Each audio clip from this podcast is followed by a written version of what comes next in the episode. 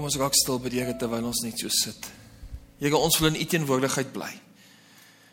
Dankie vir hierdie wonderlike lofprysing en dankie vir die boodskap wat U vir ons elkeen nou gaan hê. Dankie dat ons weet ons is nie toevallig hier geplaas vandag nie, maar U het 'n spesifieke afspraak met ons. U ken ons as 'n groep, as 'n gemeente, maar U ken ons ook individueel. En elkeen van ons, Here, is spesiaal. Dankie Here dat ons hierdie dinge kan bid in die wonderlike naam van Jesus Christus. Amen. Ek het streng opdrag ontvang dat jy nie moet sê uh goeiemôre broers en susters nie. So van my kant af, hallo. Ek's Gerrit.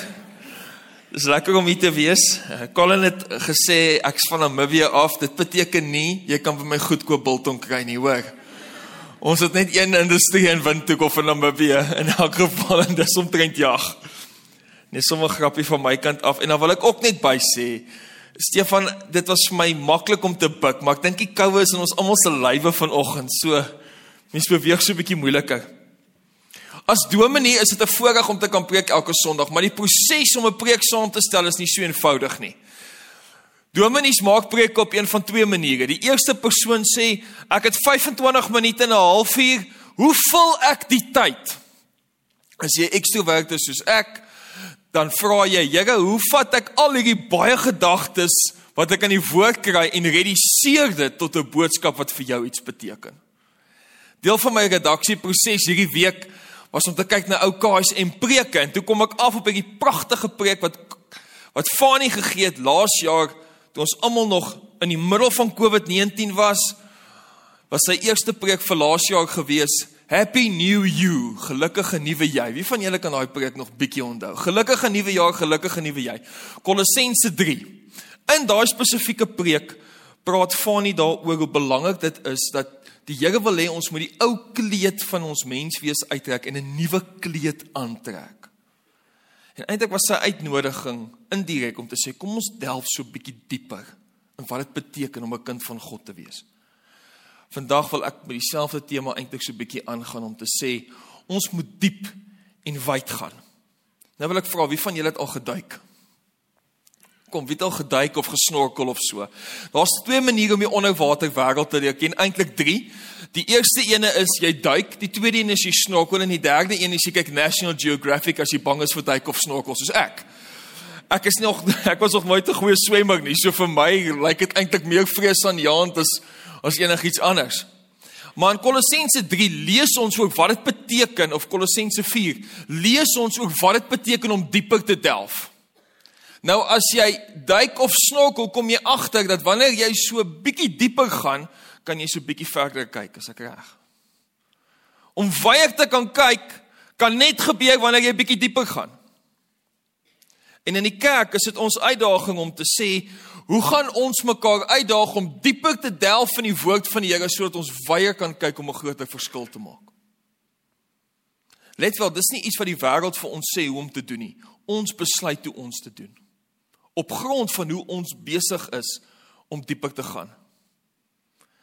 Kom ons lees saam wat die woord van die Here vir ons sê in Kolossense 4 vers 2 tot 6. Ek gaan vir ons lees uit die 1983 vertaling en dan gaan ek so vers vir vers vir jou uitpak oor wat dit beteken om dieper te delf en wyer te kyk. En dan gaan ek afsluit deur met jou te praat oor Krimora. Vers 2 sê volhard in die gebed. Wees daarby waaksaam en dankbaar en bid te gelykertyd vir ook vir ons Bid dat God vir ons 'n deur vir die woord oopmaak sodat ons die geheimenis van Christus kan verkondig waarvoor ek hier gevange sit. Bid dat ek dit duidelik sal verkondig soos dit my opgelê is.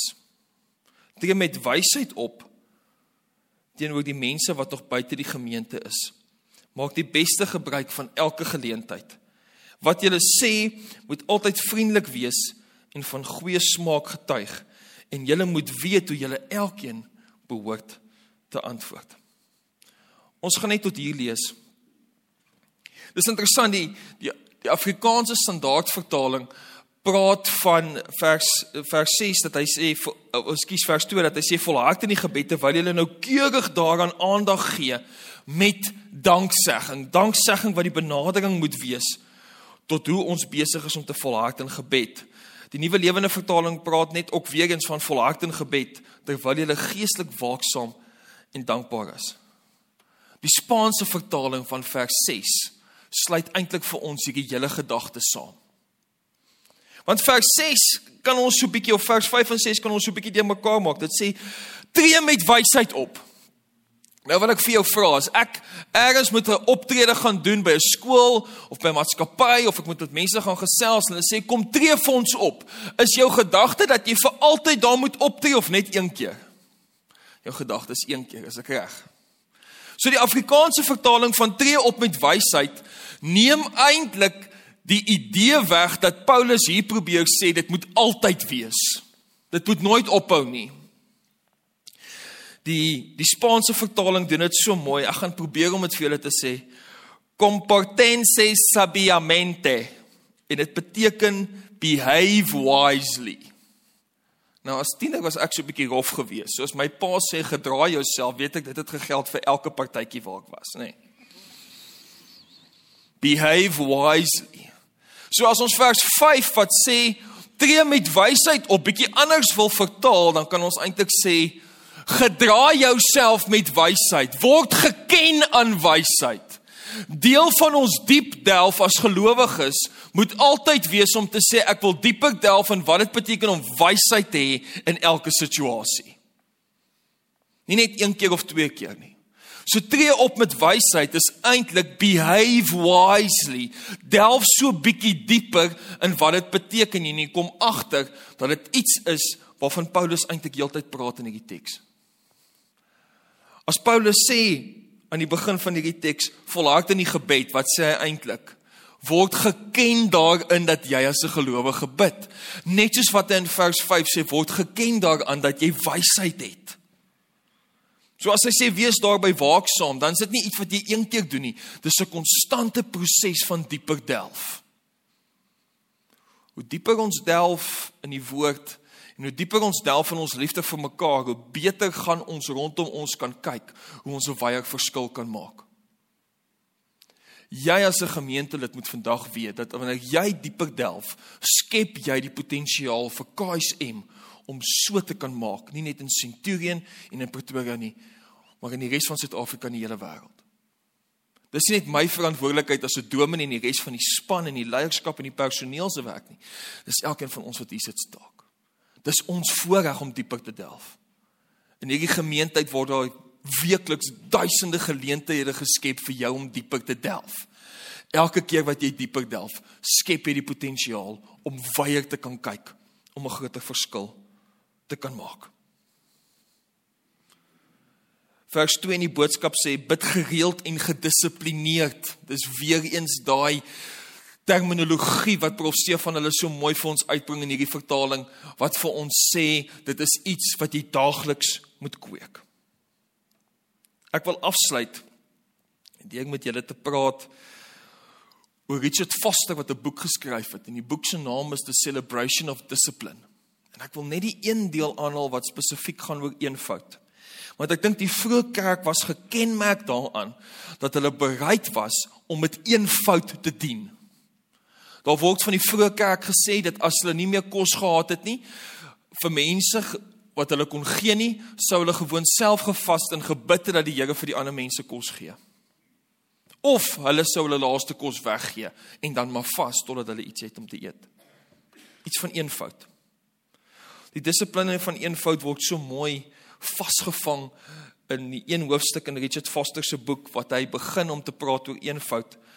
And they say, when we are truly in this interior, sim, uh, interior simplicity, our whole appearance is franker, more natural. It is the pearl of the gospel. Wanneer ons bereid is om diep te delf in eenvoud, skep ons vir onsself die potensiaal om vir die wêreld te wys hoe mooi en eenvoudig die evangelie is. Ons leef in 'n era waarin mense wil sê verduidelik al hoe meer en meer vir my die woord. Wat beteken dit? Mense van buite ons geloofskring vra vir ons, "Hoe kan jy 'n gelowige wees?" En dan probeer ons vir hulle verduidelik met gekompliseerde maniere om dit te doen. En ons vergeet dat ons eenvoud waarmee ons leef die grootste getuienis is. Want wanneer die vroeë kerk geleef het soos Christus, het hulle daardie gesê ons glo sy evangelie, sy goeie nuus. En wanneer ons dit vandag doen, getuig ons dit nog. So as jy vandag sukkel om dieper te delf, begin net in eenvoud leef. Wees dankbaar vir die eenvoudige dinge wat jy doen. 'n Koppie koffie wat jy maak vir jou vriende of jou familie by die huis, is nie net 'n koppie koffie as jy dit in liefde doen nie. Dis besig om dieper te delf. Wanneer jy bereid is om te luister na iemand se uitdagings, is jy bereid om dieper te delf. Wanneer jy bereid is om 'n kospakkie te pak vir mense in KZN, is jy bereid om dieper te delf. Dis ons eenvoudige goed. En as jy al daai eenvoudige goed bymekaar sit, dan kom jy agter dis nie so eenvoudig nie, dis eintlik beeldskoon. Ek wil afsluit deur met julle te praat oor Krimora. Wie van julle kan die Krimora advertensies van die 80s onthou? Ek kan dit nie onthou nie. Maar ek weet daarvan. Ek het dit gesien op YouTube. julle sal onthou oom Jan Spies het daai spesiale Krimora advertensie gehad, nie die stout een op YouTube nie. Hy was anders gewees. My oupa my vertel daai tyd in die 80s. Maar dan het hy altyd, julle weet wat is Krimora? Krimora is daai verromer wat jy in jou koffie gooi en wat jy in die Rakberg in die Spens by jou huis soos ons as ek of Chanel vergeet het om melk te koop en proes dit die volgende dan sê sy, "O, oh, ek sien het vergeet om melk te koop." En sê ek, "Ja, Krimora. Smaak Pega Plus." En dit is mos hoe om Jan altyd 'n advertensie afgesluit het, nê? Nee. Kremora smaak pure plas. Vandag wil ek daai selfde voorbeeld gebruik en ek wil vir jou vra. Ek wil jou uitnooi. Hoe smaak ons as KSM vandag? Ek wil hê ons moet daai sin bietjie klaar maak en nou sê jy welkom om te kan sê hoe jy voel daaroor. As ek sê KSM smaak pure, hoe maak jy die sin klaar? Enigiemand? KSM smaak skies? Pure liefde. Mooi. Nog. Omgee, dis pure omgee. Hoe nog? Pure mens. Dis mooi. Kom nog, ons is meer as dit. Ons kan nie net pure liefde omgee mens wees nie. Pure dankbaarheid. Pure genade. Pure dien. Dit sal nou goed wees vanuit 'n branding perspektief en ons identiteitsperspektief om te sê ons is spiere volgeling. Spiere loof. Spiere getuig, dis spiere dien, dis spiere saam. Want dis ons identiteit. Wanneer mense gekonfronteer moet word met die lidmate by KSM, moet hulle sê van elkeen van ons op 'n stadium, weet jy wat, as ek met daai mense in kontak kom, dan kom ek agter hulle is spiere volgeling. En om pure volgeling te wees beteken by implikasie pure opoffering. As ek kyk na hulle harte dan sien ek dat hulle die Here loof en prys. Hulle is pure loof en prys. En dan besef ons dat wanneer ons die Here loof en prys, vra dit opoffering. Bietjie dieper delf. Wanneer hulle besig is om te getuig, hulle is pure getuig, hulle praat oor hoe Jesus Christus in hulle harte werk, dan besef ek dit vat opoffering. Hulle spiere dien. Daar selfs 'n waglys as dit kom by 'n verskil maak ergens in 'n gemeenskap. Hulle spiere saam, as ek by hulle is dan dan is dit die vars saam wees wat so spesiaal is. Hulle spiere kinders van God. Is duidelik sigbaar, ek hoef nie eens daaroor te wonder nie. Vir dit om te gebeur in die wêreld, moet dit hier werklik gebeur. En vir 'n opoffering. Die bietjie wat ek al gesnorkel het, altyd vir my opoffering gevat want as jy net so bietjie dieper wil gaan om net bietjie mooier te gaan kyk, dan begin jou longe so bietjie brand, as ek reg. En jy kom agter as jou longe brand, jy gaan al hoe dieper, nê. Nee. As jy nou hier sit en jou longe begin so bietjie brand as jy hierdie boodskap hoor, dan is dit teken dat jy besig is om geestelik te groei, jy's besig om sterker te raak, jy's besig om dieper te delf. Wanneer jy seker maak jy raak betrokke in die gemeente, jy gee bydra, dan is jy pure mens. My gebed vir ons as 'n geloofsgemeenskap is dat ons werklik werklik sal aanhou om daai sin klaar te maak vir 'n wêreld in nood. Dat wanneer ons al hoe dieper delf, ons sal agterkom maar ek is pure God se genade en ek het 'n pragtige geskenk in my om te gee vir die wêreld. En die geskenk wat ek binne in my het, is hoe ek vir Jesus ontmoet het. My gebed vir elkeen van ons is dat ons pure gelowiges sal wees. Wat werklik met sy eenvoud en met haar eenvoud vir die wêreld wys Jesus leef. Kom ons bid saam. Ek het terwyl ons net so oomblik in stilte sit, besef ons dat soms brand ons borse so bietjie as ons dieper begin delf en dis 'n goeie ding want ons is besig om geestelik fiks te raak wanneer ons besig is om dieper te delf in ons verhouding met U en ons verhouding met mekaar kan ons weier kyk om 'n groter verskil te maak. Wanneer ons dieper delf sien ons hoe pragtig die oseaan van U liefde en U genade is. Dit inspireer ons om verder te swem verder te kyk nuwe verhoudings te bou en te sien hoe U werk in ander mense se lewens. Here wanneer ons dieper delf sien ons dat die oseaan van u genade nie iets is om vir bang te wees nie, maar iets is om te ontvang. Here, dit is ons gebed dat ons elke keer wanneer ons bietjie kremore aan koffie gooi, die vraag sal vra, is ek pure gelowige vandag? As mense met my in kontak kom, is ek pure God se genade vir daai persoon in daai oomblik? Dat ons sal weet dat wanneer ons te doen, ons besig is om al hoe dieper te gaan. Here, dankie dat ons kan weet ons delf dieper in eenvoud. Deur eenvoudige liefde staak aan mekaar.